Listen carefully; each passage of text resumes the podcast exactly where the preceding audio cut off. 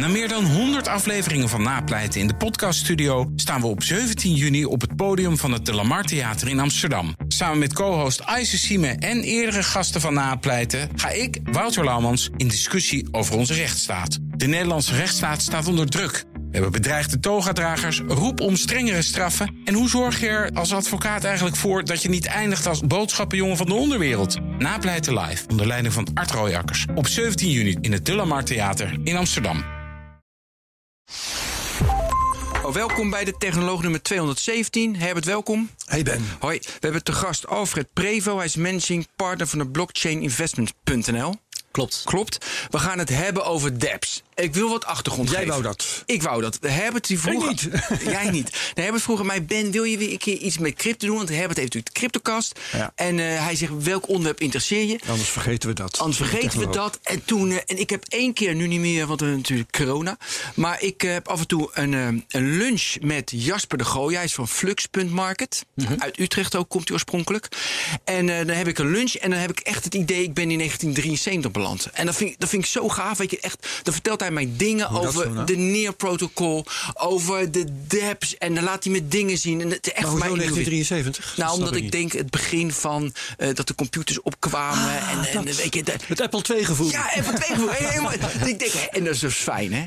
Als je gewoon. Ja, Ja, ja, ja, nee, zeker herkenbaar. dat idee heb je ook, hè? Herkenbaar, zeker. Maar Ja. ze- Dus daar komen we zo op. Dus, en toen liet hij me Debs zien. En toen dacht ik aan Debs is voor mij heel erg de, de oude App Store van een mobiel. Ik, oorspronkelijk natuurlijk ben ik natuurlijk een telecomman. Applicatie op een mobiel, daar ben ik mee opgegroeid. Dus dan denk ik gelijk daaraan. en, eh, ja, en daarom wilde ik heel graag dat onderwerp doen. Gewoon Debs. Dus Uitstekend. En toen zei Herbert, Alfred Prevo, die weten alles van. We hebben afgelopen dagen contact gehad. En je zei van, kan ik dat goed genoeg? Maar ik ben ervan overtuigd dat je het allemaal kan. Oké, dankjewel. we beginnen gewoon heel simpel. Wat is een DApp? Ja, nee, leuk om hier te zijn. Ja, en, wat is een DApp inderdaad? Een DApp is een Decentralized Application. En waarom is dat nou zo ontzettend leuk? En waarom is dat nou zo maatschappelijk relevant? En waarom is het nou zo leuk om en interessant om het hier ook in de technologie erover te hebben? Ja. Want het is een enorme architecturele eh, eh, andere benadering van hoe wij omgaan met applicaties. Dus ik neem even een simpele applicatie. Een applicatie als voorbeeld. Zodat iedere luisteraar hopelijk een idee heeft van... hey, dit is hoe het nu werkt. En dan zeg ik even... Nou, dit is volgens mij hoe, hoe een dApp werkt. Ik denk dat dat de makkelijkste manier is om het even te benaderen. Hoe nu een dApp werkt, heb je eigenlijk een frontend en een backend. De frontend schrijven we in HTML, JavaScript, CSS. De backend gebruiken we een server. Amazon, eh, wat dan ook. We gebruiken PostgreSQL, SQL, Mongo. Allerlei manieren van een, een database-structuur die wij steeds raadplegen. Je hebt het nu over een normale. Een normale app, Dit is een normale applicatie. Een normale applicatie. ja. Dit is applicaties die we eigenlijk vaak gebruiken. En dat noemen we dan internet 2.0, omdat er interactie plaatsvindt tussen die frontend en die backend. Dus tussen wat je ziet en wat je niet ziet. Ja. En een DApp, een Decentralized Application, die zegt eigenlijk, nou die frontend die laten we zoals het is, maar die backend, daar gaan we iets anders mee doen. En die backend die organiseren we gedecentraliseerd. En eigenlijk is gedecentraliseerd een beetje een misnomer, want het is eigenlijk gedistribueerd over heel veel nodes van een blockchain. Dan komt het woord blockchain weer vandaan. Ja. Iedereen nu hè, wordt helemaal blij. Achterdocht. Blockchain. Ja, het leuke is, hype. eh, Precies, precies. Je hebt echt die Ja. discussie van eh, eh, is het een hype of niet? Hoe zien die Ik wil nog even terug voordat je, weet, eh, voordat je doorgaat. Kijk, oorspronkelijk een backend, dus dan draait het op AWS. Dus je hebt die backend, dat, is, dat, dat- staat. Maar eigenlijk bij die nodes staat het eigenlijk op verschillende backenden. Precies. Dat is dus het verschil. Dus in plaats van één backend heb je er veel meer. Dat is een heel belangrijk verschil. Dus je hebt inderdaad meerdere backends. Tegelijkertijd zou je kunnen zeggen, nou, als er nu een serverpark uitvalt bij Google, bij Facebook, wat dan ook, Daar hebben ze ook redundant. dan hebben ze ook redundanten. Eh, het is wel zo dat inderdaad je hebt meerdere nodes, dus er meerdere servers tussen aanhalingstekens, maar ze zijn ook nog eens transparant. En ik zal een heel mooi voorbeeld geven van een casino. Toen hoorde ik van Sven Brekelmans, mijn collega. Heel mooi voorbeeld. Die zei: Als jij naar een casino gaat en zet je fiches op een digitale eh, nummertje 31. Dan moet je maar hopen dat het casino het goed berekent en jou een goede randomizer heeft en jou Ja. terecht of niet terecht dat En uitkeert. dat ze eerlijk zijn. dat ze eerlijk zijn. Dat, zal ik het even, dan ga ik Ja. even tussendoor. Nee, je bent expert hier. In, eh, in de, de beginjaren van het internet, voor 2000, eh, presenteerde ik eh, Radio Online van de Tros. En iemand die daar geregeld in kwam eh, om dingen te vertellen was Francisco van Jolen. En die heeft op een keertje, toen had je ook al online gokken, hè? En eh, toen had Francisco een hele mooie vergelijking. Die zei. Online gokken, dat is zoiets als eh, jij zit buiten de badkamer en iemand zit binnen de badkamer en die gooit met een dobbelsteen. En dan zeg je, nou gooi die dobbelsteen maar, ik zet geld in. En dan die vent binnen in die badkamer zegt, het, was, het was, nee, het was geen zes hoor, het was een drie. en dan ben je je geld kwijt. En dat geloof je allemaal. Ja. Dus daarom zeg ik, je moet maar hopen in dat geval dat jij, eh, dat jij schetst, dat het online casino ook eerlijk is. Ja, gelijk een screenshot maken. Ja, screenshot. Ze kunnen je alles voortoveren wat ze willen. Screenshot eh, 31, 31, screenshot. Nou goed, Ja, en dan heb je die vraag: is dat screenshot betrouwbaar? En is het screenshot van de Dat screenshot precies, ga je weer manipuleren. Ja. Ach En, man, en, jongen. En, en daar heb je hopelijk een oplossing mee, of in ieder geval een stap dichter bij een oplossing met decentralized applications. Want je kunt het, Ja. het proces waarin dat berekend wordt, waarin wordt gezegd: hey, jij hebt het casino eh, verslagen of niet, dat kun je zien. En je kunt zien hoe die berekeningen plaats gaan vinden. En je, ziet ook eh, hoe die afspraken, die smart contracts, daar komen we nog vast nog wel op.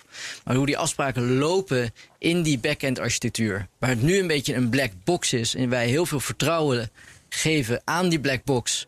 En als wij dat eh, vertrouwen bevestigd zien in de toekomst, gaan we ermee door. Is het straks zo dat je van tevoren dat vertrouwen ex ante in plaats van ex post kan vaststellen. En dat is een heel belangrijk verschil met hoe wij omgaan met vertrouwen in de systemen die wij allemaal gebruiken. Hoe we omgaan met veiligheid en hoe we omgaan met privacy. Het wordt En- een open box. En eh, ook is die eh, box niet op één plek, maar die is op veel plekken. Dus Ja. op allerlei plekken kunnen we. En het wordt daardoor ook moeilijker te manipuleren. Zeker. Hè, want eh, je, als het goed is, is, zijn niet al die nodes onder de controle van één persoon of één entiteit.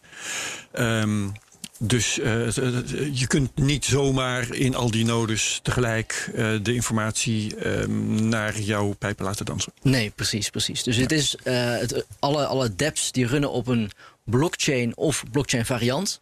Dus dat kunnen ook een DAG zijn, een een Directed Acrylic Graph, dus een soort blockchain variant zou je kunnen zeggen. Het kan ook een DLT-systeem zijn, een soort van de techniek onder blockchain weer. Maar het is allemaal gedistribueerd. Dus allemaal eh, daarmee ook een soort redundancy erin. En het is inderdaad niet aangeschreven, of aangestuurd moet ik zeggen, door één centrale partij als het goed is. En meer dan 80% van de dApps die er nu zijn, en die we nog veel meer gaan we, gaan we erzien. Het is met name nog steeds wel op dit moment nog vooral nog een belofte. eh, is, is het zo dat die plaatsvinden op de Ethereum-blockchain. En de Ethereum-blockchain, daar weten we inmiddels heel veel van. Eh er zijn circa 10.000 nodes van over de hele wereld verspreid. Dat is best wel nou, een omvangrijk project. Hè. De wereldcomputer wordt het genoemd. En daarvan eh, weten we, nou ja, daar, daar is wel relatief veel decentralisatie. Ja. Dus, Dus nu wil ik een, een, eh, een dApp bouwen. Weet je wel? Dus de frontend is gewoon een, een videokanaal maak ik. Ik maak een YouTube. Maar de backend wil ik decentraal. Ik had van de week, ja, ik ben nu even kwijt, maar ik had één gevonden. Dacht ik, nou hartstikke leuk. Hoe ingewikkeld of hoe makkelijk of hoe moeilijk is dat? Goeie vraag. Eh, ik, ga, eh, ik ga hem even zoeken, die site. Je gaat hem even zoeken, die site. Nee, prima. In mijn honderden, eh site, die honderden, honderden tabbladen die ik open heb staan. Ja, nee, een, een dApp bouwen, dat kan zo eh, ingewikkeld of, of, of ehm, relatief makkelijk zijn als je zelf kiest. Het hangt natuurlijk af van wat je bouwt. Het hangt er ook vanaf waarop je bouwt, welk platform. En het hangt er vanaf hoe je kennis is. Maar laten we even uitgaan van een Ethereum-app, want dat zijn de meest voorkomende. Ja. Laten we uitgaan van eh, gemiddeld genomen kennis van een programmeur die om kan gaan met Solidity, dat is de programmeertaal van Ethereum. En eh, laten we ervan uitgaan dat je een app wil bouwen die zegt, ehm, die een ja of een nee geeft of het morgen gaat regenen of niet. Of eh, dat er een vluchtvertraging heeft, of dat er Ja. eh, een relatief ehm, eh, simpel programma waarin je een feit hebt als basis waarop je gezegd, nou dit gaat wel of niet door. En dat zijn nou ja, hoe apps eigenlijk beginnen. Dus het zijn if-then vraagstukken. Als dat vliegtuig te laat komt, dan wil ik mijn geld terug. Als het vliegtuig niet te laat komt, dan is er niks aan de hand. En als je daarvan uitgaat, dan kan het relatief makkelijk geprogrammeerd worden. Is het best wel makkelijk, best wel toegankelijk. En het lijkt namelijk op bestaande programmeertalen die we allemaal kennen. Ehm, steeds meer mensen kunnen programmeren. En dan heb je ook nog eens partijen die net noemden dat Nier, die het eigenlijk makkelijker maken voor non-programmeurs of beginnend programmeurs om iets te bouwen. En het- En hoe zit dat in, in laag in neer? Want dat is dan een protocol. Is dat, dus hoe werkt dat? ja, ik weet niet de ins en outs van Nier. Dat geef ik Nee, maar- toe. Ik zit meer onder de motorkap te kijken dan, eh, dan boven de motorkap. Maar eh, het, het is eigenlijk een interactiesysteem, volgens mij, om eh, applicaties te kunnen bouwen. Dus wat je ziet vaak bij... Op het Ethereum-netwerk. Volgens mij wel. Dus het is een soort framework. Je, Het is een soort framework. Oké. Ja. En, en dat is natuurlijk wel heel, heel leuk als je kijkt. Toen ik eh, twintig jaar geleden informatica deed, was het allemaal heel technisch en heel. eh, ja, best wel lastig om allemaal te begrijpen. Maar tegenwoordig leren de kinderen Ja, je op de klikt alles bij basisschool, elkaar. eh, die, die leren coderen. En, en, je, en je kan coderen zonder echt te coderen. Ja. Dus je hebt allemaal GUI's. En dat zie je ook terug bij zo'n NIR-protocol volgens mij. Dat je steeds ja, makkelijker applicaties kan bouwen. Ja. Dus het wordt toegankelijker eigenlijk. Ja, maar ik wil even, misschien straks, ik moet even ook weer terug. Je, hebt die, je noemde net dat, dat casino, hè? Ja. Nu eh 1 april gaat de, de kans op, op de op speelkans online in Nederland eindelijk open, las ik. Dus nou prima, eh, gefeliciteerd. Waarom wordt dat dan niet direct decentraal in de backend opgezet? Waarschijnlijk wordt dat niet decentraal opgezet. Ja, omdat, het, omdat die nodes te lang duurt dat, het moet, eh, dat, het, dat je moet rekenen. Dat kan ik me voorstellen. Ja, ja. ja ik, ik propageer hier sowieso niet dat ik eh, fan ben van casino's. Dat wil ik even heel duidelijk hebben. Nee, maar Eh, even als voorbeeld. Hè? Want dan zou je zeggen, hey, het heeft zoveel voordelen. Veiligheid, privacy, transparantie willen we allemaal. Nou jongens, alles bouwen op, op een decentrale backend. Nou, er zitten natuurlijk ook heel veel nadelen aan. Kijk, je kunt het idealiseren. En je, je kan ook zeggen, nou, er zit heel veel toekomst in. Wat ook, denk ik, zo is. Maar je moet opletten dat je het ook niet idealiseert. Dat je kritisch blijft. Zeker op dit moment. Niet alles hoeft decentralized. Niet alles hoeft decentralized. Want Moeten we het over hebben er zijn ook applicaties die centraal werken, die heel goed centraal werken. Ja. En waarvoor je juist het heel fijn is dat je een team van experts hebt die verantwoordelijk zijn voor die software, dat heel snel kunnen updaten. Software kunnen bouwen die bijvoorbeeld backwards compatible is, dus dat je oudere versies nog steeds kan gebruiken. Dat je eh, software hebt die hè, door experts wordt gecontroleerd, in plaats van dat iedereen het maar kan controleren en iedereen er dus eh, vinden. je, je noemt nu eigenlijk eh, eigenschappen van software die beter niet decentralized kan zijn. Eigenlijk wel. Hè, als, het, Ja. eh, ehm, als er experts bij te pas komen, als het vaak geüpdate moet worden en dat soort dingen, dat kun je beter gecentraliseerd doen. Eh, soms wel. Dus dat hangt van de context af. Eh, wat, je, wat je vaak nu ziet, is dat zie je, zag je ook in 2017. Dan heb je het over de crypto scene heel even. Maar die initial coin offering craze, waarin iedereen zei: Nou, ik heb een prachtig idee en ik wil heel veel geld hebben. En die kregen dat notabene ook nog. En dat zie je nu een klein beetje met, eh, met, met dApps ook wel ontstaan. Dat risico. Ja. Dus je wilt liever natuurlijk dat mensen echt een product hebben en een minimum viable product hebben, een prototype die eh, iets werkends laat zien. En nu is het eh, net als bij de ICO-markt van toen, zie je dat nu bij dApps. Ik heb een prachtig idee en eh, kom maar, omdat het een dApp is. En dat wil niet zeggen dat dat de beste oplossing is. Dat wil ook zeggen dat je afhankelijk bent van dat team. En zonder dat je al te veel weet van een capaciteit. Dus er zijn heel veel haken en ogen aan dApps op dit moment. Waar het denk ik belangrijk is dat mensen gewoon op de hoogte ervan zijn. Ja, het is eigenlijk onontgonnen gebied en we zijn dat nu met z'n allen aan het verkennen, wat, eh, wat we er eigenlijk mee kunnen. Ja, eigenlijk wel. We zitten wat dat betreft echt aan het begin. Ja. Tegelijkertijd is dit iets waarvan we al weten dat het heel lang aankomt. Dapps die draaien grotendeels op smart contracts. Ik noemde Ja. het net ook al even. De term smart contract is ongeveer 25 jaar geleden al gecoind. Om even een mooie woordspeling te gebruiken. en eh, dat was door Nick Szabo in een van zijn white papers. Nick Szabo is eh, eh, de uitvinder van een van de vroegste vormen van digitaal geld, hè? Bitgold. Perfect, eh, Herbert. Ja. Hoeveel cryptocast heb je gemaakt? Dit staat zelfs nog in mijn boek dat Oh, in, mooi. in 2018 is verschenen. Ja. Dus niks Szabo. Ja, er is zelfs ehm, een- nog een fun fact. Als de vraag wordt gesteld wie is Satoshi Nakamoto, de uitvinder van Bitcoin, dan zijn er mensen die zeggen dat is Nick Szabo. Zeker. Ja. Goed, hoe, waar, hoe kwamen we hierop? Eh, Eh, nou, omdat nee, smart contracts is al 25 jaar oud, de Ja. term. En daar is het op gebaseerd. Precies, dus die dApps. Dus hoe zorg je ervoor dat jij een applicatie die niet op één centrale locatie eh, draait, dat die toch goed werkt? Ja. Dat is eigenlijk de vraag Ja. die je hebt. Want dat is een, een technische vraag die ik heb. Ehm, als je zegt, die eh dApps die zijn eh, niet centraal, dus die zijn verspreid over een x aantal nodes. Moet ik me dat dan voorstellen als op elke node staat die dApp en op een of andere manier werken die nodes samen? Hoor?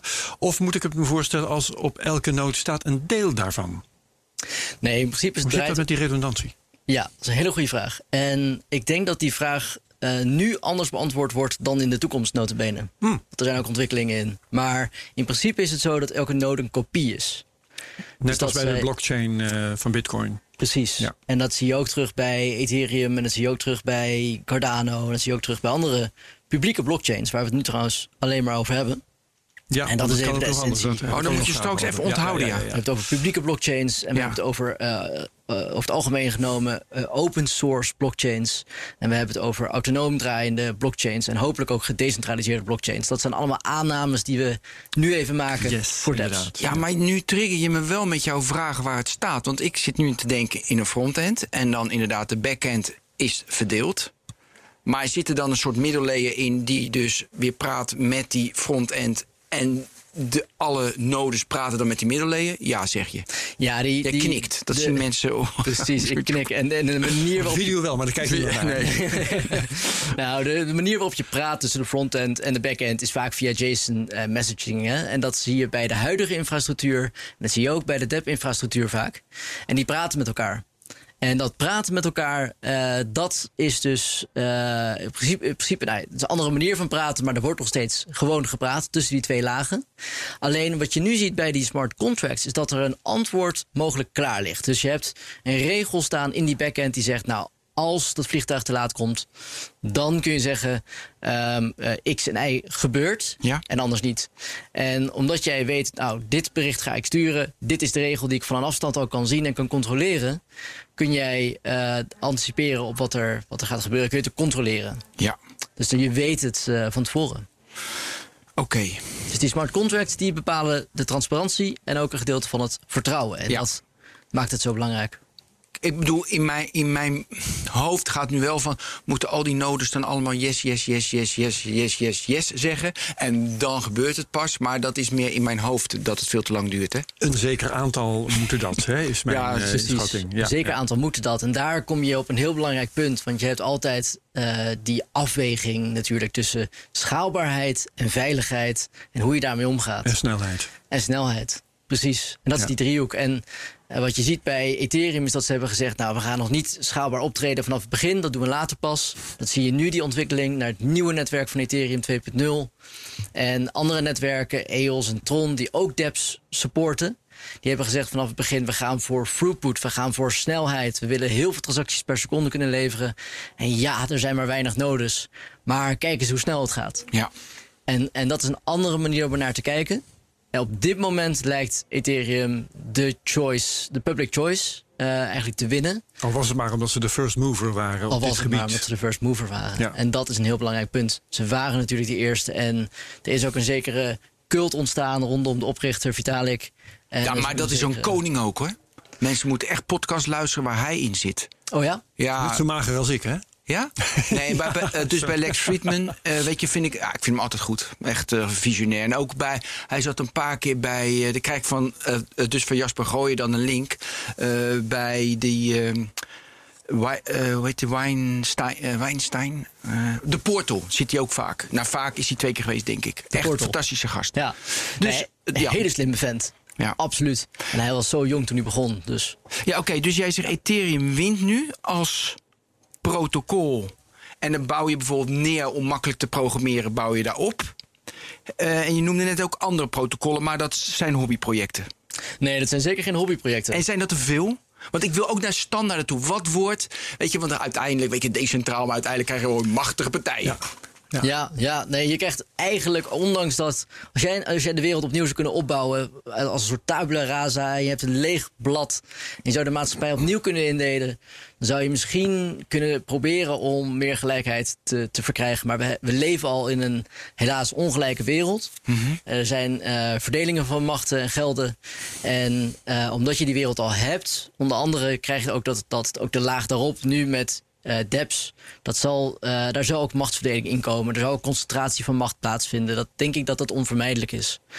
Dat is gewoon onderdeel van hoe de maatschappij functioneert en alle, alle regels daar- daarbinnen. Je kunt niet een compleet alternatieve realiteit opstarten. Maar die andere concurrenten van Ethereum die je net noemde, dat zijn geen hobbyprojecten. Dus EOS, Tron, Cardano, daar zitten ook gewoon Polkadot. miljoenen Polkadot nu als new riser, zeg maar, relatief. Ehm, daar zitten enorme eh, bedragen in, zitten enorme teams achter. Dat is, er zijn enorme pro- projecten in zichzelf. En eh, dat laat ook zien, nou ja, dit is. ehm, hè, we zitten echt nog aan het begin. Dat is eigenlijk het belangrijkste. Ja, oké, En het is niet zo dat er 1974. één winnaar is, Nee. maar er zullen wel meerdere winnaars zijn. Ja, ik heb inmiddels die, die, die, eh, die, die YouTube, maar dan decentraal eh Odyssey. O-D-Y-S-E-E. Dus nou, hartstikke leuk. Eh daar, kan je dus filmpjes op, eh, daar kan je een filmpje op kijken, net zoals YouTube. Maar ze zeggen dat het decentraal is. En dan krijg je natuurlijk interessant, krijg je gelijk weer natuurlijk... hoe gaan we dat reguleren? Ja, censuur of juist niet. Censuur of eh, juist niet, open. je- Mogelijkheid om, om hele nare dingen te doen. Ja. Hoe kijk jij daarnaar? Hoe kijk je daar tegenaan? Ja. Tegen censuur. Nee, kijk, eh, dit- hier zien we gelijk ook de duistere kant. En hier zien we ook gelijk ook de, de problematische kant. Want kunnen we het eerst even praktisch houden? Want eh, een van de, dat is ehm, een vraag die ik nog had en die hier relevant is. Ehm, is een DApp altijd onbeheersbaar out there? Ik bedoel, je laat hem los eh, op dat decentrale netwerk. Maar eh, kan er toch op een of andere manier een bedrijf zijn van wie die DApp is? En die daar bijvoorbeeld geld aan verdient. Ik heb daar nog helemaal geen beeld eh, bij hoe dat qua gezag en, en zakelijk zit. Ja, Kan je het over vertellen? Want hele daarna Ja, dan, interessant. Ik, dat is een, daarna een komt dan of je... de- Nee, want ik heb hier gelijk allemaal vragen over. reguleert, Ja. Top. wil je die eerst even stellen? Of wil je dat ik er Nee, ga eerst maar en, en dan Oké. kom ik. Want misschien an- beantwoord je me al. Eh, Het leuke vind ik aan, aan technologie in het algemeen. En zeker ook bij dApps, is dat we hier te maken hebben met een technologisch vraagstuk. Maar de echte complexiteit zit hem eigenlijk in die governance. De echte complexiteit zit Ja. hem in, in hoe gaan we dit inbedden. Om antwoord te geven direct op je vraag. Ja, de- je kunt een smart contract runnen zodat er één iemand anders uitbetaald krijgt op die public key. Dat, dat kan. Zeker. Het is wel zo dat als jij een, eh, een governance structuur hebt op die blockchain en daarmee kun je stemmen. En dan moet je denken aan stemmen. Niet zoals alleen bij eh, eh, eh, aandelen en dan bij bedrijven. Zo werkt het wel een klein beetje. Maar je kunt daarmee ook stemmen over echt dagelijkse operating procedures. Dus over kleine operating commands op de blockchain die je aangepast wil zien. Dus als er zo'n klein bedrijf is die heeft zo'n applicatie erop en die zegt: Nou, ik verdien hier heel veel geld mee en dit is heel succesvol, dan kan er een community zijn die zegt: Nou, fantastisch voor jou, maar wij zijn hier eigenlijk tegen. Dit willen we eigenlijk helemaal niet. En dan kunnen ze tegenstemmen. En dan kan het zo zijn dat er een modificatie plaatsvindt. Het is niet makkelijk.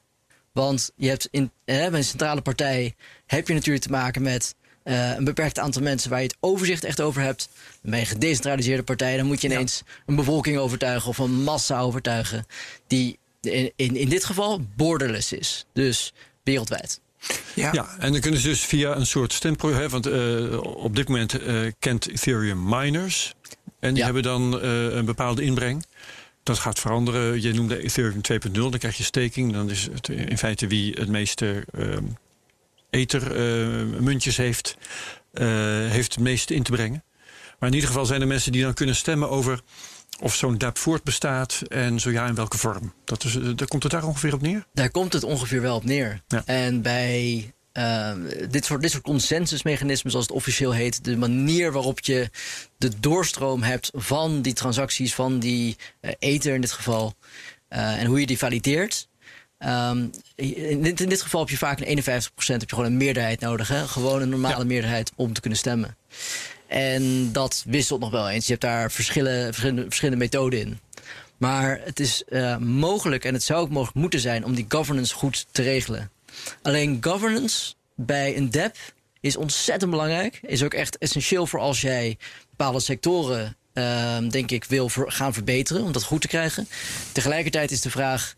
Kunnen we dat wel helemaal oplossen op een rule-based manier? Want computers die zijn Ja. uiteindelijk gewoon om, om, om die regels uit te voeren. Eh, grotendeels even los van AI en alle complexe materie daarbij. Maar je hebt in principe te maken met een rule-based society dan. En wij werken heel graag met een principle-based society, want we vinden dat er ruimte moet zijn voor context. En dat is denk ik een vraagstuk wat voor Ja, ja. devs echt wel wat langer gaat duren dan alleen maar een paar jaar om dat een beetje goed op te lossen. Ja, maar Ja, ik, ik denk dat je onderscheid moet maken tussen weer de frontend en de backend. Dus de frontend is veel meer principle-based. En de backend kan veel meer rule-based zijn. Dus volgens mij moet je ook in die stack moet je ook onderscheid maken wat voor governance je, je daar eh, in maakt. Ja, eens. Oké. Eens, je moet daar onderscheid in maken. Je moet kijken hoe je dat eh, goed aanpakt. Maar laat, laat ik het zo zeggen. Stel jij... ehm, eh, je, bent als, als gebruiker ben je afhankelijk van de maliciousness van de code. Hè? Dus stel, je hebt een DAO zoals bij Ethereum in 2017... waarbij het misging en dat de smart contract werd misbruikt. En er werd geld gestolen. Hoe los je dat op? Hoe ga je als community daarmee om? En het liefste heb je het zo dat je daar een balans in vindt tussen... A, we hebben die blockchain als immutable database. We kunnen het niet meer wijzigen, want het is namelijk, moet namelijk betrouwbaar zijn. Tegelijkertijd, als er een drama plaatsvindt...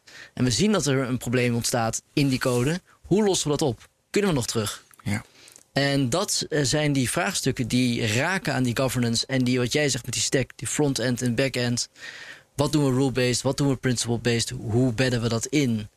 Ja, daar moet je van tevoren heel goed over nadenken. En dat maakt dat dApps eh, een uitkomst zijn. Want het is desintermediërend, het verlaagt kosten, het verhoogt snelheid vaak. Maar ook een enorme risico kunnen zijn. En daar moet je heel goed bewust van zijn. Ja. Ja, ook al omdat. eh, ehm, maar ja, je, hebt het over rule-based en, en principle-based. Ehm, die community die eh, uiteindelijk daar dan een stem in heeft, die kan ook zowel goedaardig als, als kwaadaardig zijn. Dat hebben we de laatste tijd ook gezien. Ja. Dat is. Heb je een specifiek voorbeeld, Herbert, waar je aan zit, eh, zat te denken? Want er zijn meerdere natuurlijk. Ehm, nou ja, eh, de, ja, de, de Parler. Ik denk dat ik daar, dat, dat, dat een, een goed voorbeeld is van een fenomeen waar je een community hebt, waar je toch wel mee moet uitkijken. En Ja. daar, eh, de, de mensen die eh, op Parler zitten, eh, die zullen daar waarschijnlijk loeien van verontwaardiging nu. Maar Nee, het is.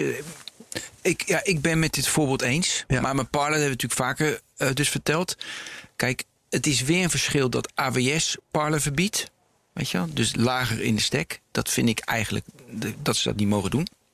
Maar dat die uit de App Store gaat, dus hoger in de hebben we het vorige week ook over gehad. Ja. Dat vind ik wel normaler. Weet je, want ja, weet je, want, want ze roepen op tot oh, dat geweld. is interessant. Ja, ja, ja. Dus dat is dus dat principle en dat rule-based. Weet je, in de onderkant van de stack veel meer rule. En de bovenkant, weet je, principle.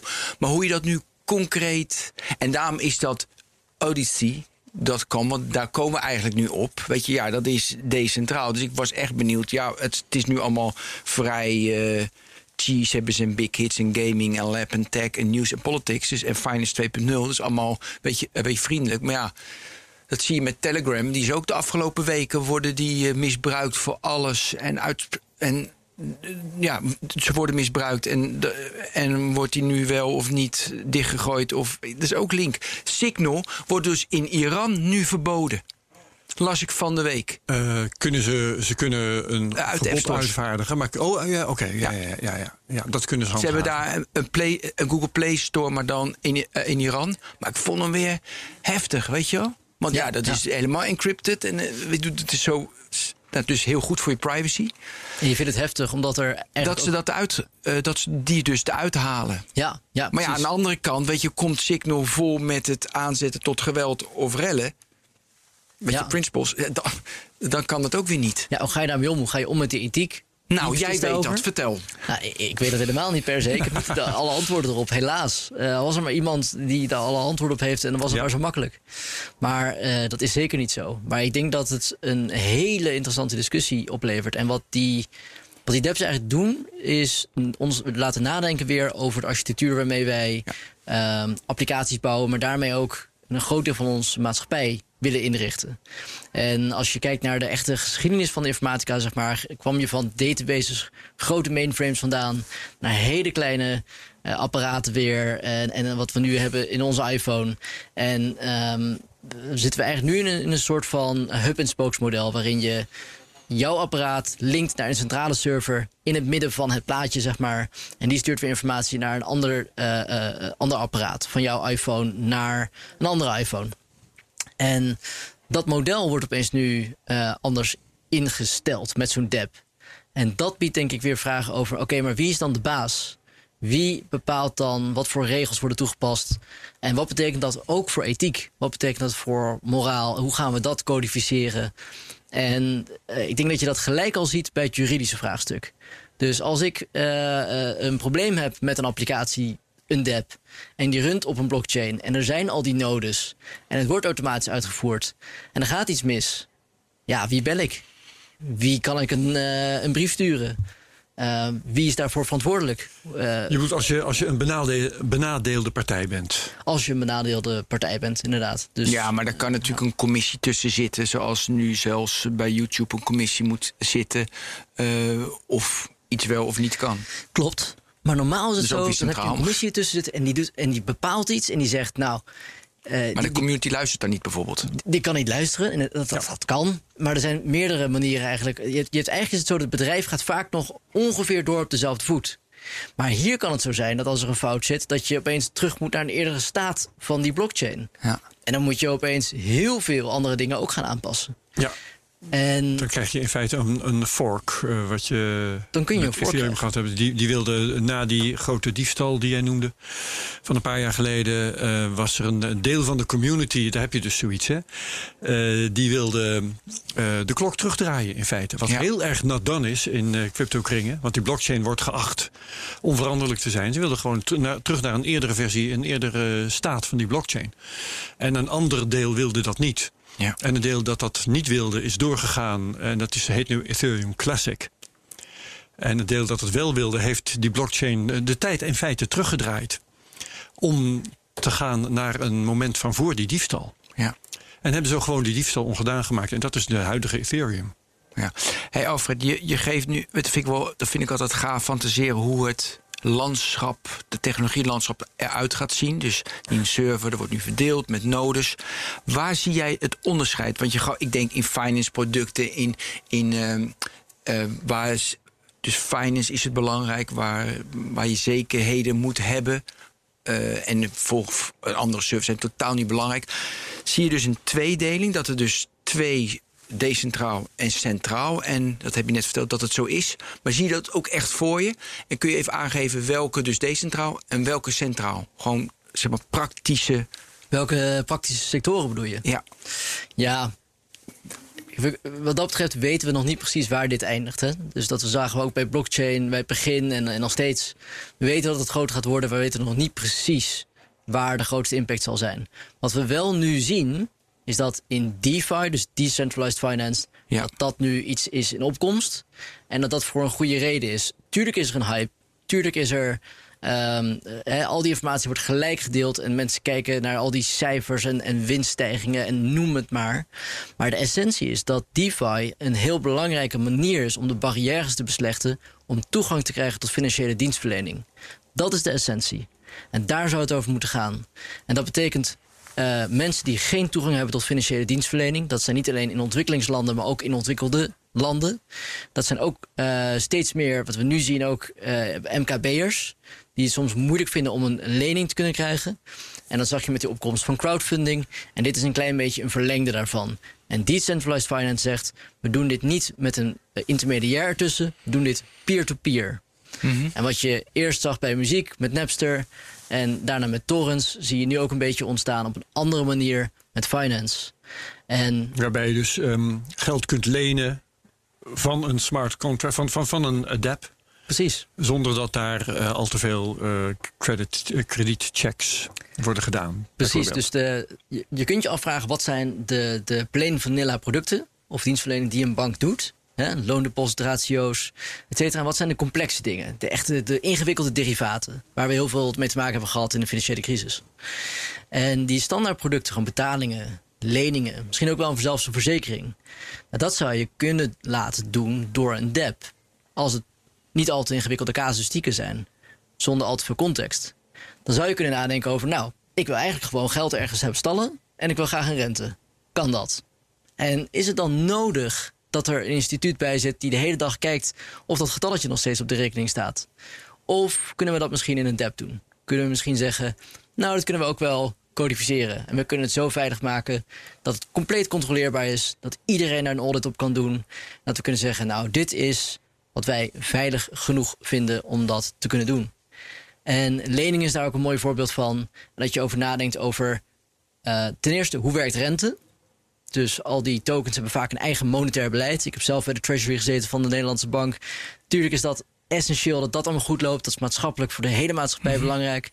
Maar als je een hele specifieke lening bekijkt, kun je ook afvragen: nou, misschien kunnen wij bij een hele kleine lening een andere rente toepassen in het voordeel van degene die een lening wil, in plaats van in het nadeel, dan bij iemand die een heel groot bedrag wil lenen en afhankelijk van hoeveel aanbod er ook is. Dus je kunt dat veel meer afstemmen.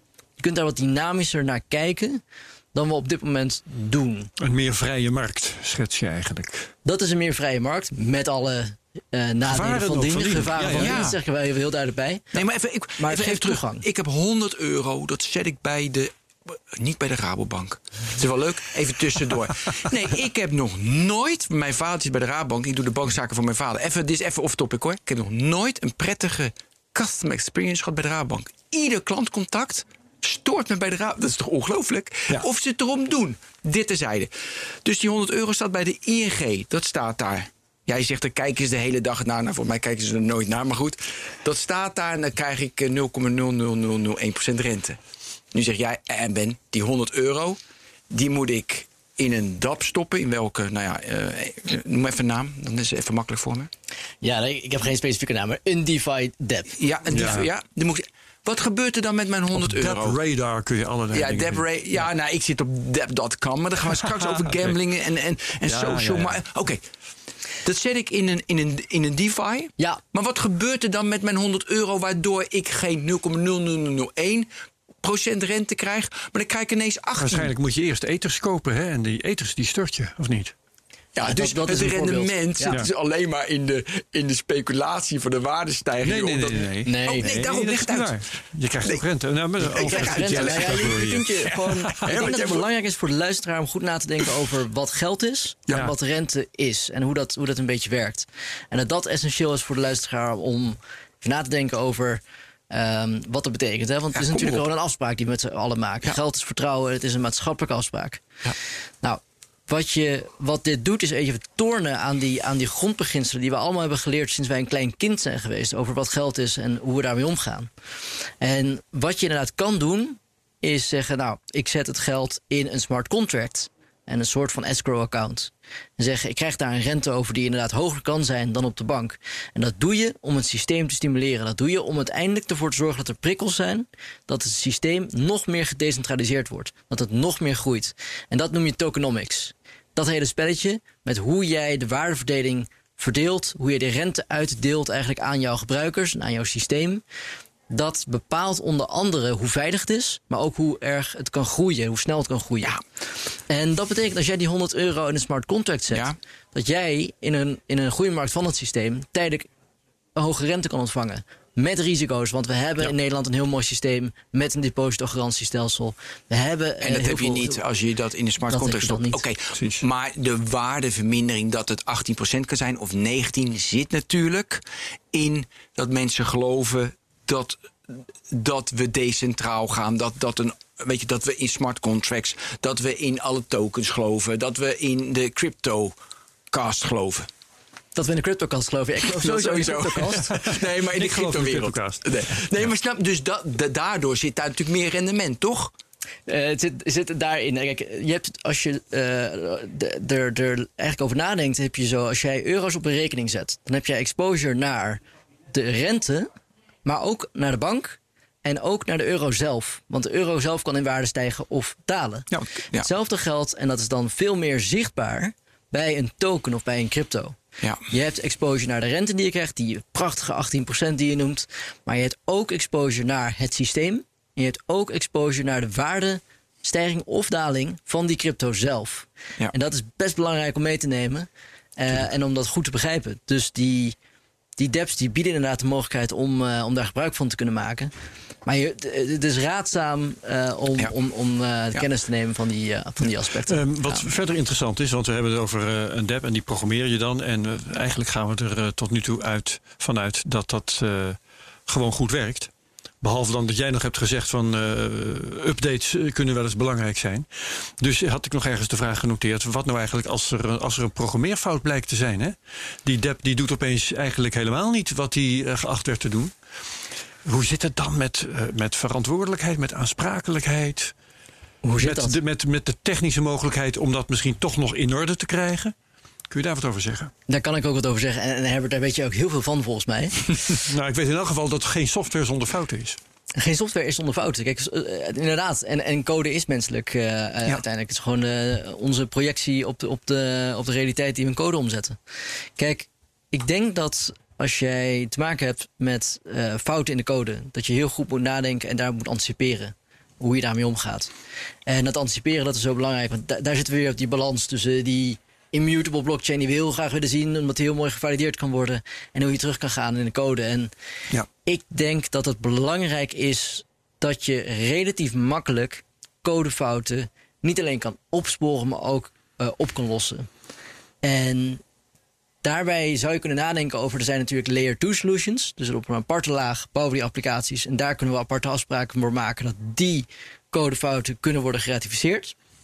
Je kan gaan nadenken over eh, sidechains, dus speciale blockchains die een soort zijtak vormen. Net als bij een soort boom kun je voor je zien met een grote stam en daar een, een tak van. En die tak die wordt apart, heeft zijn eigen, eh, apart gedirigeerd en heeft zijn eigen monetair beleid en zijn eigen eh, politiek beleid. Kun je dat soort fouten kun je dan hopelijk makkelijk filteren. Uiteindelijk is het zo dat wij de lessen van de afgelopen honderden jaren die we hebben in finance en politiek, dat we heel vaak natuurlijk daar weer naar terugkeren. En dat het niet zo moet zijn dat we die lessen opeens gaan vergeten in een alternatieve realiteit, omdat we ook heel veel problematiek zien. Maar dat we die lessen ook goed moeten gaan integreren in die sidechains. Dus als jij Ja. een probleem ziet in die code, zoals je net aangaf, Herbert, dan hoe gaan we erover stemmen? Wie stemt erover? En dat moeten echt standaard condities zijn als jij een dep bouwt. Ja, maar dat, eh, eh, als ik goed hoor wat je zegt, dan komt het erop neer dat er, eh, omdat, omdat je ook redelijk wat nieuwe, nieuwe woorden gebruikt voor eh, de luisteraar, zal het zeker zo zijn, voor mij ook. Eh, zoals sidechain bijvoorbeeld, hè, dat is eh, nog niet zo heel lang geleden uitgevonden. Ehm, denk ik dat, de, dat, dat hier nog wel juridische problemen ontstaan, die eerst voor rechters uitgevochten zullen moeten worden, voordat ze echt staande praktijk zijn. Ja, dat zou best kunnen. Kijk, uiteindelijk hebben we een juridisch systeem. Want, want jij En- zegt, stel, dat is een belangrijk verschil. Jij zegt, stel dat je zo'n fout ontdekt, hè, dan wil je die corrigeren. Maar het kan natuurlijk ook zijn dat de fout pas ontdekt doordat ergens eh, geld op de verkeerde plek terecht is gekomen. En dat is alweer wat moeilijker te corrigeren.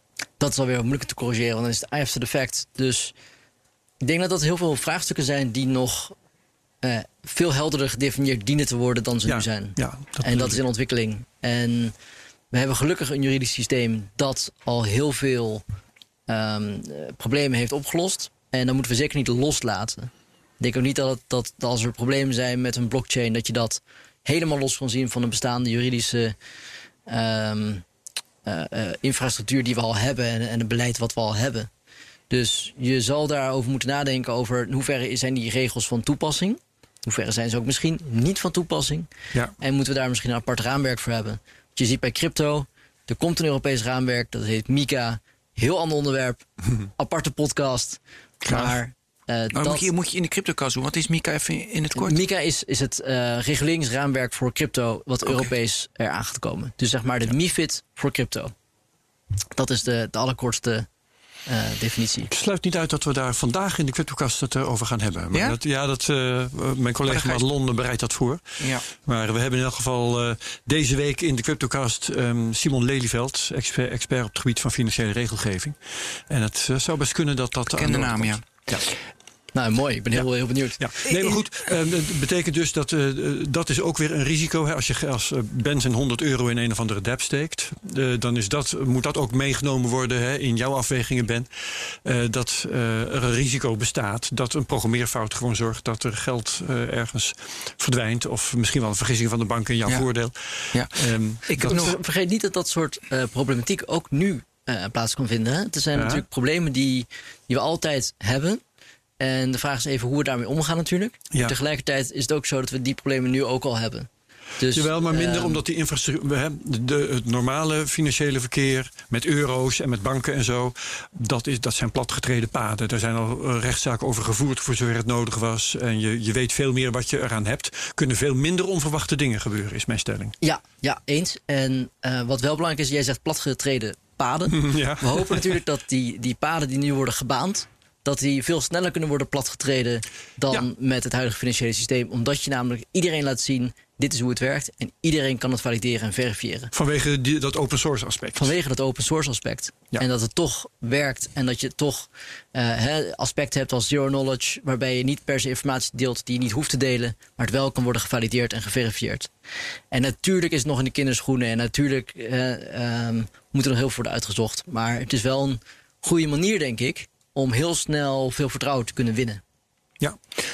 Wat heb je nodig om die chasm te crossen? Dus de, echt de, weet je nu, eh, eh, zeg maar de, de iPhone kwam uit en iedereen een smartphone. Dus w- wat heb je nodig in jouw wereld? Killer app. De? De killer app. ja, de of, killer dep. of- of de killer eh, governance, dat de overheid iets zegt. Of de killer, weet ik voor wat, een nieuwe Ja. NIR-protocol Ja, ja, ja. erop. Of, kijk, wat... Oké, daar kom ik zo op. Nee, wat ik heb je denk dat je drie dingen nodig hebt. En daar zijn we ook allemaal wel redelijk bewust van.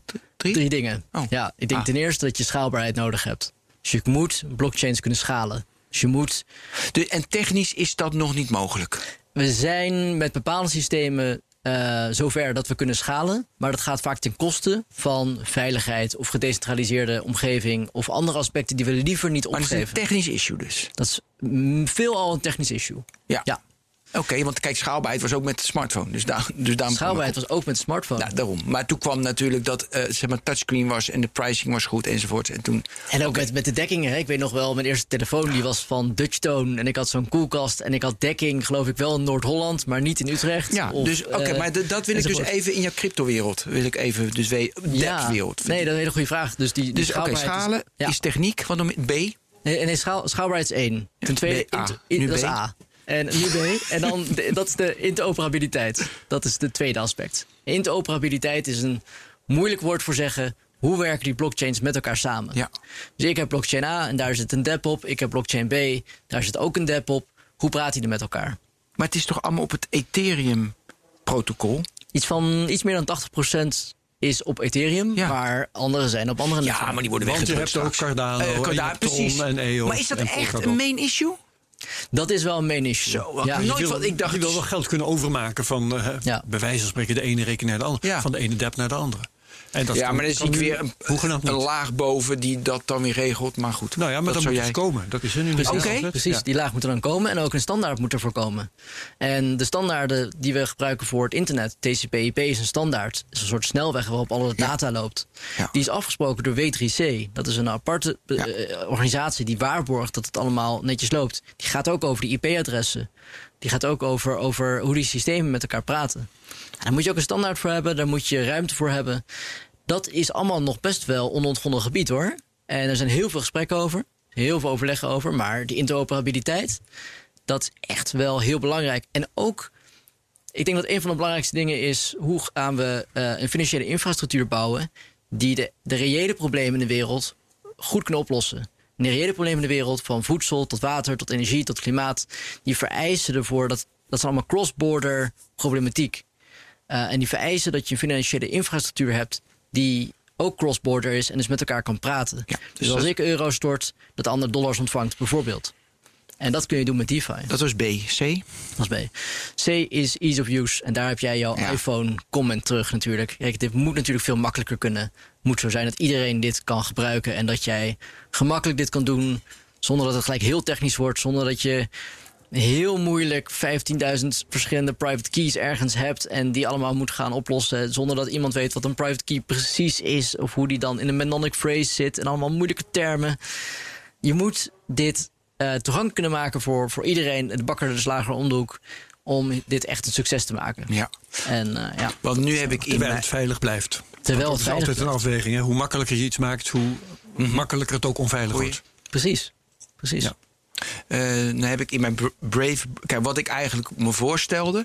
Nu download, lo- da- nu download ik een app op mijn. Even gewoon mijn iPhone. En die is nu natuurlijk niet. Dat is geen DApp. Die is niet decentraal in de backend. Maar dat zou ik wel mooi vinden. Nu kan ik dat wel, naar mijn idee, als ik mijn Brave browser en ik doe een plugin, dan kan ik plugins die. Weet je, dat is dan een DApp. Ik weet nooit wat ik ermee moet. Dus daarom doe ik dat niet zoveel, alleen maar qua testen. Ehm, maar dat is nu het systeem, hè, dat, je hem als, eh, dat je hem in je browser als plugin kan zetten. Ja, Of heb jij waar nog jij het andere? over hebt nu is echt de implementatie. Ja, dat is drie, dat is jouw C. Dat, Dat is mijn ease of use voor mij. Nou, dat zou een hele mooie ease of use kunnen zijn. Dat je inderdaad het als plugin gebruikt. En Ja, maar dat is een voorbeeld. Ja, maar dat kan nu al. Dat Bij kan nu al. verschillende beetje dapps. We, we zijn ook al goed bezig. eh. we, zijn, we zijn ook al hard aan het werk. En eh, dat, dat is een manier om, om een dApp goed te laten draaien, inderdaad, in een extensie. Ja, maar eigenlijk wil ik een D toevoegen. Een beetje die jij zei, ook de killer app achtig wel. Want ik heb nu, weet je, ik test dat allemaal, maar ik heb niks. En misschien moet ik me, me meer in verdiepen. Maar weet je, ik heb niet van, ah, dit moet ik dagelijks gebruiken. Nee, dat klopt. Kijk, ik denk Dat we daar probleem nog natuurlijk. aan een beetje aan het zoeken zijn. Ik denk wel dat DeFi. De, kijk, eh, blockchains in feite zijn, zijn een soort heel lang bonnetje. Het zijn vaak ehm, transactionele ledgers, zoals bij Bitcoin, of balance state ledgers, zoals bij Ethereum. Nou, mag je weer vergeten, maar het zijn een soort lange bonnetjes. En die lange bonnetjes, die, ehm, die kun je eh, eh, heel goed ehm, in, je, in je hoofd zeg maar, koppelen aan het idee van een bank. Ook een soort lange bonnetjes. Ja. En het mooie aan DeFi is natuurlijk dat, dat, je, dat, dat je heel makkelijk eh, de bestaande financiële infrastructuur relatief makkelijk kan overzetten naar een DeFi-omgeving. Dus daar gaan we best wel snel al mee te maken krijgen. Want zoals crowdfunding enorm in opkomst kwam, gaan we dat misschien ook wel zien bij DeFi. En natuurlijk is er een hype omheen, maar de essentie ervan is, is dat je eigenlijk een beetje een heel mooi nieuwe uitvinding ziet in een kleine garage ergens in Silicon Valley. Ja, nee, dat, dat vind ik ook het gave En eh, eraan. dat is die analogie weer met de iPhone. Ja. Maar we wel weten dat het werkt. We Ja. weten wel van, hé, hey, er zit iets dat heel interessant is... en dat voor heel veel mensen heel belangrijk kan zijn. En dat is denk ik wat we ook gaan zien op andere vlakken. Niet alleen bij DeFi, maar ook bij verzekeringen. Eh, misschien ook wel ooit bij pensioenen... of in ieder geval administratieve systemen... die geautomatiseerd kunnen worden. En vergeet niet, wat we nu hebben... anders dan de IT-bubbel van 20, 30 jaar geleden... is dat onze hardware, die hebben we al. We hebben al, ik zie jou met jouw iPhone, ik zie jou met jouw MacBook. Ik zie Herbert ook met zijn laptop hier. We hebben allemaal al de hardware redelijk eh, in onze pockets, letterlijk. En de software, ja, die hoeft alleen nog maar geoptimaliseerd te worden. En dan als die van viral gaat, zoals een YouTube-film, dan gaat het ook zo ontzettend hard. Ja. Dus er is een soort van punt dat je gaat bereiken waarop ja, het is veel breder maatschappelijk ge- geaccepteerd gaat worden. En dat, daar komen we weer bij die drie pijnpunten die je mij vroeg. Als dat goed aangepakt wordt en we kunnen daar overeenstemming over vinden, dan gaat het hard. ja. Maar naar hoe snel sociale media eh, gemeengoed zijn geworden. Hè? Dat Eigenlijk wel. Ja, is kijk, hoe ongeveer wat je dat bedoelt, denk ik. Ja, Ja. precies. Ja, ja. Ik heb nog heel veel vragen hoor.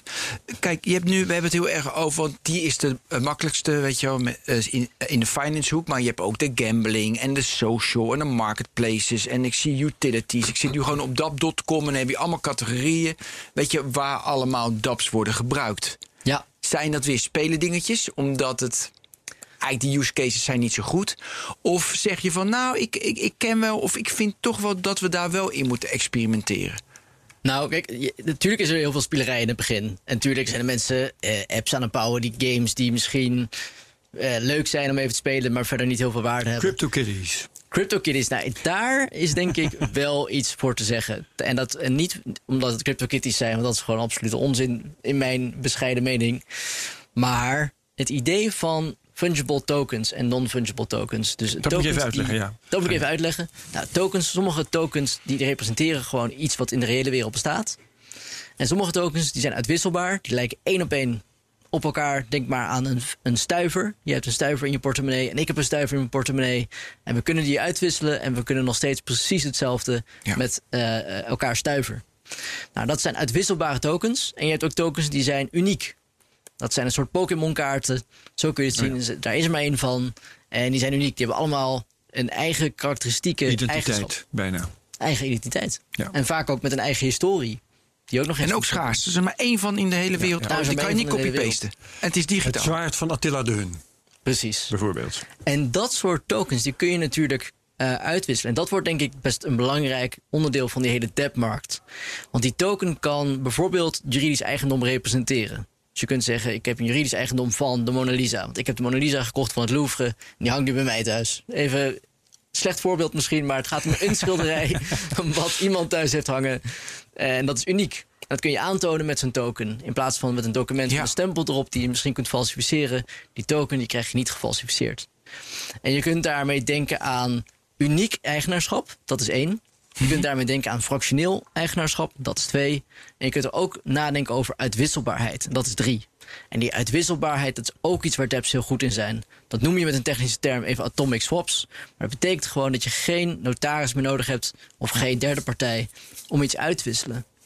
En ik denk dat dat ook nog eh, een interessante markt is om naar te kijken. Van hoe gaan wij nou die, die, die fungible en non-fungible tokens, hoe gaan we dat eh, knap in elkaar zetten? En, en dit is ook weer een beetje een technisch aspect, maar Ethereum heeft pas sinds twee jaar standaard. Dat is de ERC 1155 standaard voor de programmeurs Heerlijk, en de ja, heerlijk. ontwikkelaars. Goed zo. Mag je het anders weer vergeten? Nee, niet vergeten. Maar dat is, eh, eh, is een relatief nieuwe standaard waarin je die combinatie kan maken van die fungible en non-fungible tokens. Daarmee wordt het ook goedkoper om dApps te gebruiken. Daarmee wordt het veel meer al ja, makkelijker om het breed toegankelijk te maken. Ja. Dus gokken, ja, misschien.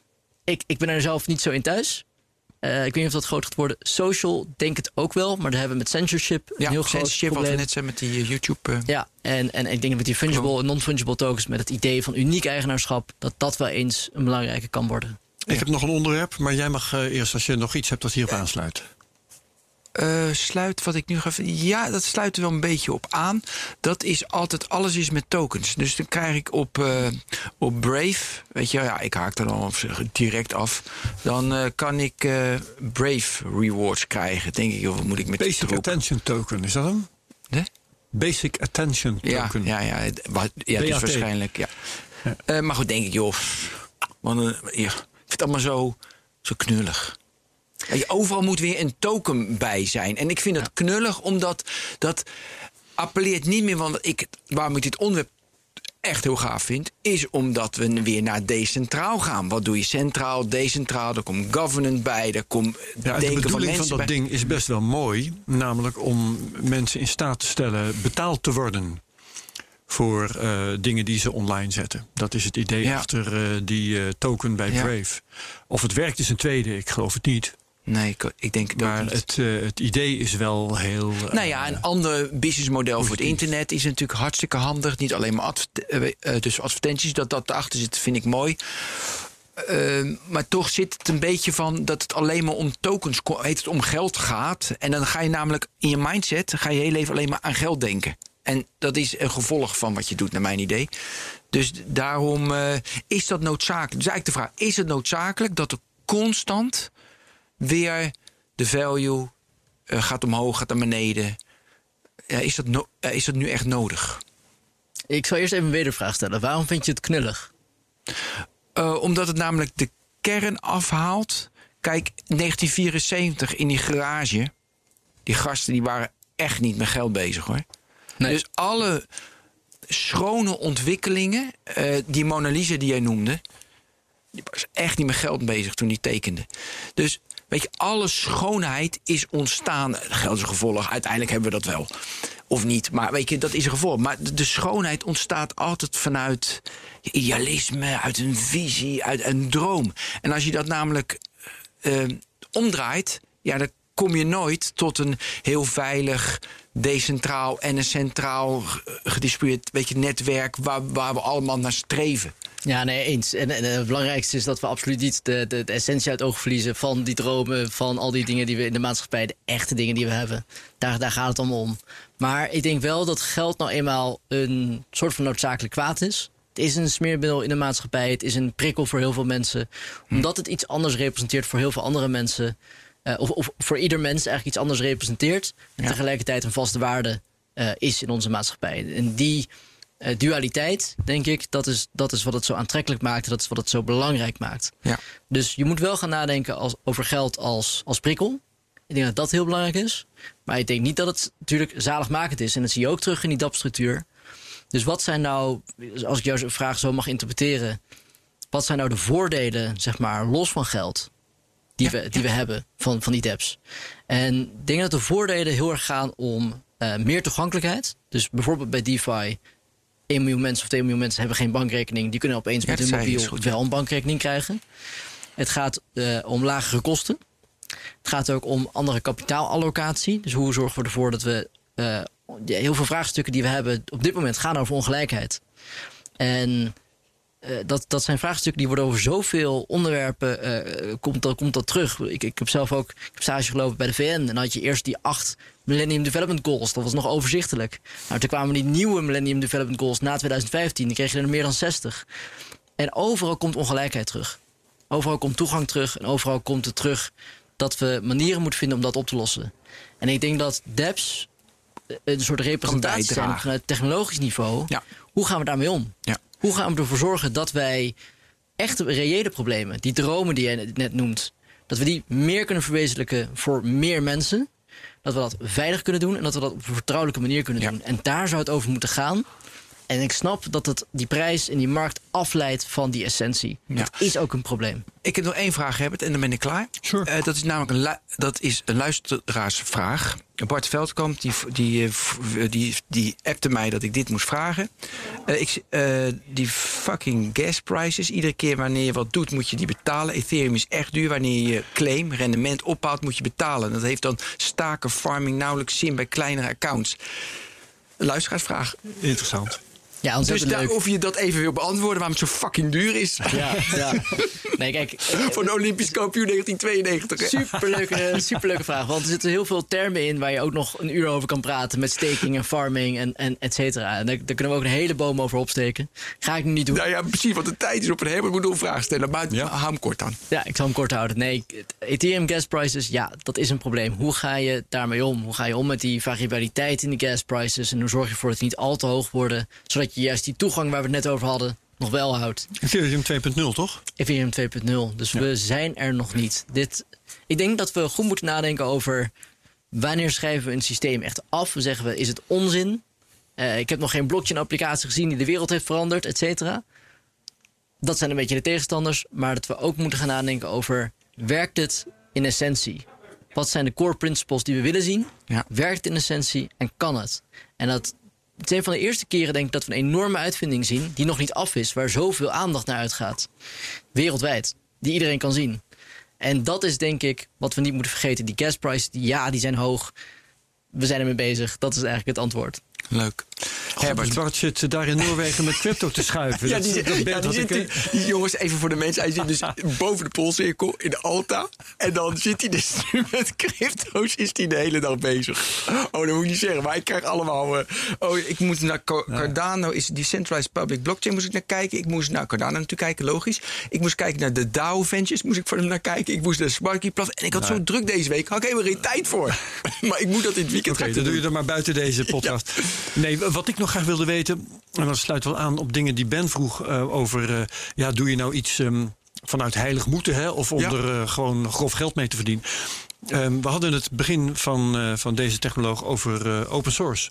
En jij noemde het eerst van ja, het moet natuurlijk allemaal open source zijn. Eh, en later kwam je er ook weer een beetje op terug, geloof ik. Eh, want je kunt natuurlijk, hè, als ik, eh, nou ja, ik zou bijna zeggen als ik Apple ben, maar laat ik zeggen als ik een bedrijf Pineapple ben en ik zeg, weet je wat, ehm, ik kan ook wel decentralized apps maken, maar ehm, oké, die hebben allerlei voordelen. Ik ga het gedistribueerd maken, maar al die machines waar het op staat zijn wel van mij. En daardoor kan ik dat goedkoper doen en ik kan het beter beheersen. En ik heb allerlei voordelen ten opzichte van die echte decentralized apps. En ik ga dat nu in de markt zetten met mijn marktmacht. En uh, dat wordt uh, niet alleen uh, gaan mensen dat heel fijn vinden, want het is ook heel gebruiksvriendelijk en zo. Maar ook ga ik er vreselijk veel geld mee verdienen. Een closed source DApp. Technisch kan het, hè? Lijkt me. Technisch kan het. Ja. Kijk, waarom is echt de vraag. Uh, ik denk dat er voordelen zijn aan closed source. Mm -hmm. Laten we, uh, ik ben ook kritisch op open source wat dat betreft. In die zin, in, helemaal aan het begin van je ontwikkeling... wil je misschien wel gewoon met vijf man een idee bespreken... omdat je niet per se de inspraak wil van de rest van de wereld. Omdat al die meningen, ja, dat vertraagt het proces. En natuurlijk heb je wisdom of the crowd. Natuurlijk heb je redenen om, om wel ja, veel te willen weten. Maar in het begin kan het ook een enorme blokkade zijn. Dus um, ja, closed source kan heel nuttig zijn in het begin. En dat zie je ook terug bij bepaalde blockchains hoor. Die publiek zijn, maar die in het begin heel erg in een, in een bubbel hebben geleefd. Dat zie je trouwens ook terug bij um, uh, zowel Cardano, hè, waar, waar Charles Hodgkin met zijn team van engineers aan zat. Dat werd net ook even genoemd in jouw vraag. Die zijn best wel gecentraliseerd bezig geweest met ja. de ontwikkeling. Best wel gewoon een team van. Cardano is net een bedrijf. Cardano is net een bedrijf. En uh, je ziet het ook terug bij Ripple. Dat is, je hebt ook een soort PR-afdeling, notabene. Maar goed, ga verder. Je hebt ook nog eens een PR-afdeling. je ziet het trouwens ook terug bij het in de app. Je ziet ook terug bij Dapps. Uniswap is een hele bekende exchange. Een, een DEX, Decentralized Exchange. Dat is ook een vorm van, van een DApp. Uh, maar die is best wel gecentraliseerd. Die is best wel uh, gewoon één team dat, dat wel luistert naar de community. Maar uiteindelijk hakken zij de knoop door. En je hebt daar ook varianten in. Hè? Je hebt natuurlijk ook uh, andere partijen met Maker en Compound die kijken naar. Uh, we laten wel een deel van de community beslissen over dat deel van het project. Ja. Maar we, we, niet, niet alles, zeg maar. Dus je hebt daar variaties in. En dat is ook zo interessant. We, hoe ga je om met dat grijze gebied van hoe decentralized willen wij zijn? Wanneer is een dep een dep? En wat willen we ermee voor de toekomst? Hoe gaan we die impact hebben op de reële wereld en op de Noordpool waar die uh, ja, op de jouw vriend Noordpool. zit? Mooi. Maar toch leuk hè, dat het zelfs daar ook inderdaad functioneert en bekend is. En, uh, Goed hè? Ja, schitterend. Ja. Oké, okay, uh, dit was het. Uh, allemaal hartstikke bedankt. Dit was Technoloog 217. We, dank, we bedanken Alfred Prevo. Bedankt. We bedanken Herbert Blankenstein. En van de Burg ook. Ja, bedankt. Ja. En tot de volgende Technoloog. Bij BNR ben je altijd als eerste op de hoogte van het laatste nieuws. Luister dagelijks live via internet. Bas van Werven. En heel langzaam komt de zon op rond dit tijdstip. Je krijgt inzicht in de dag die komt op BNR, het Binnenhof in Nederland en de rest van de wereld. De Ochtendspits. Voor de beste start van je werkdag. Blijf scherp en mis niets.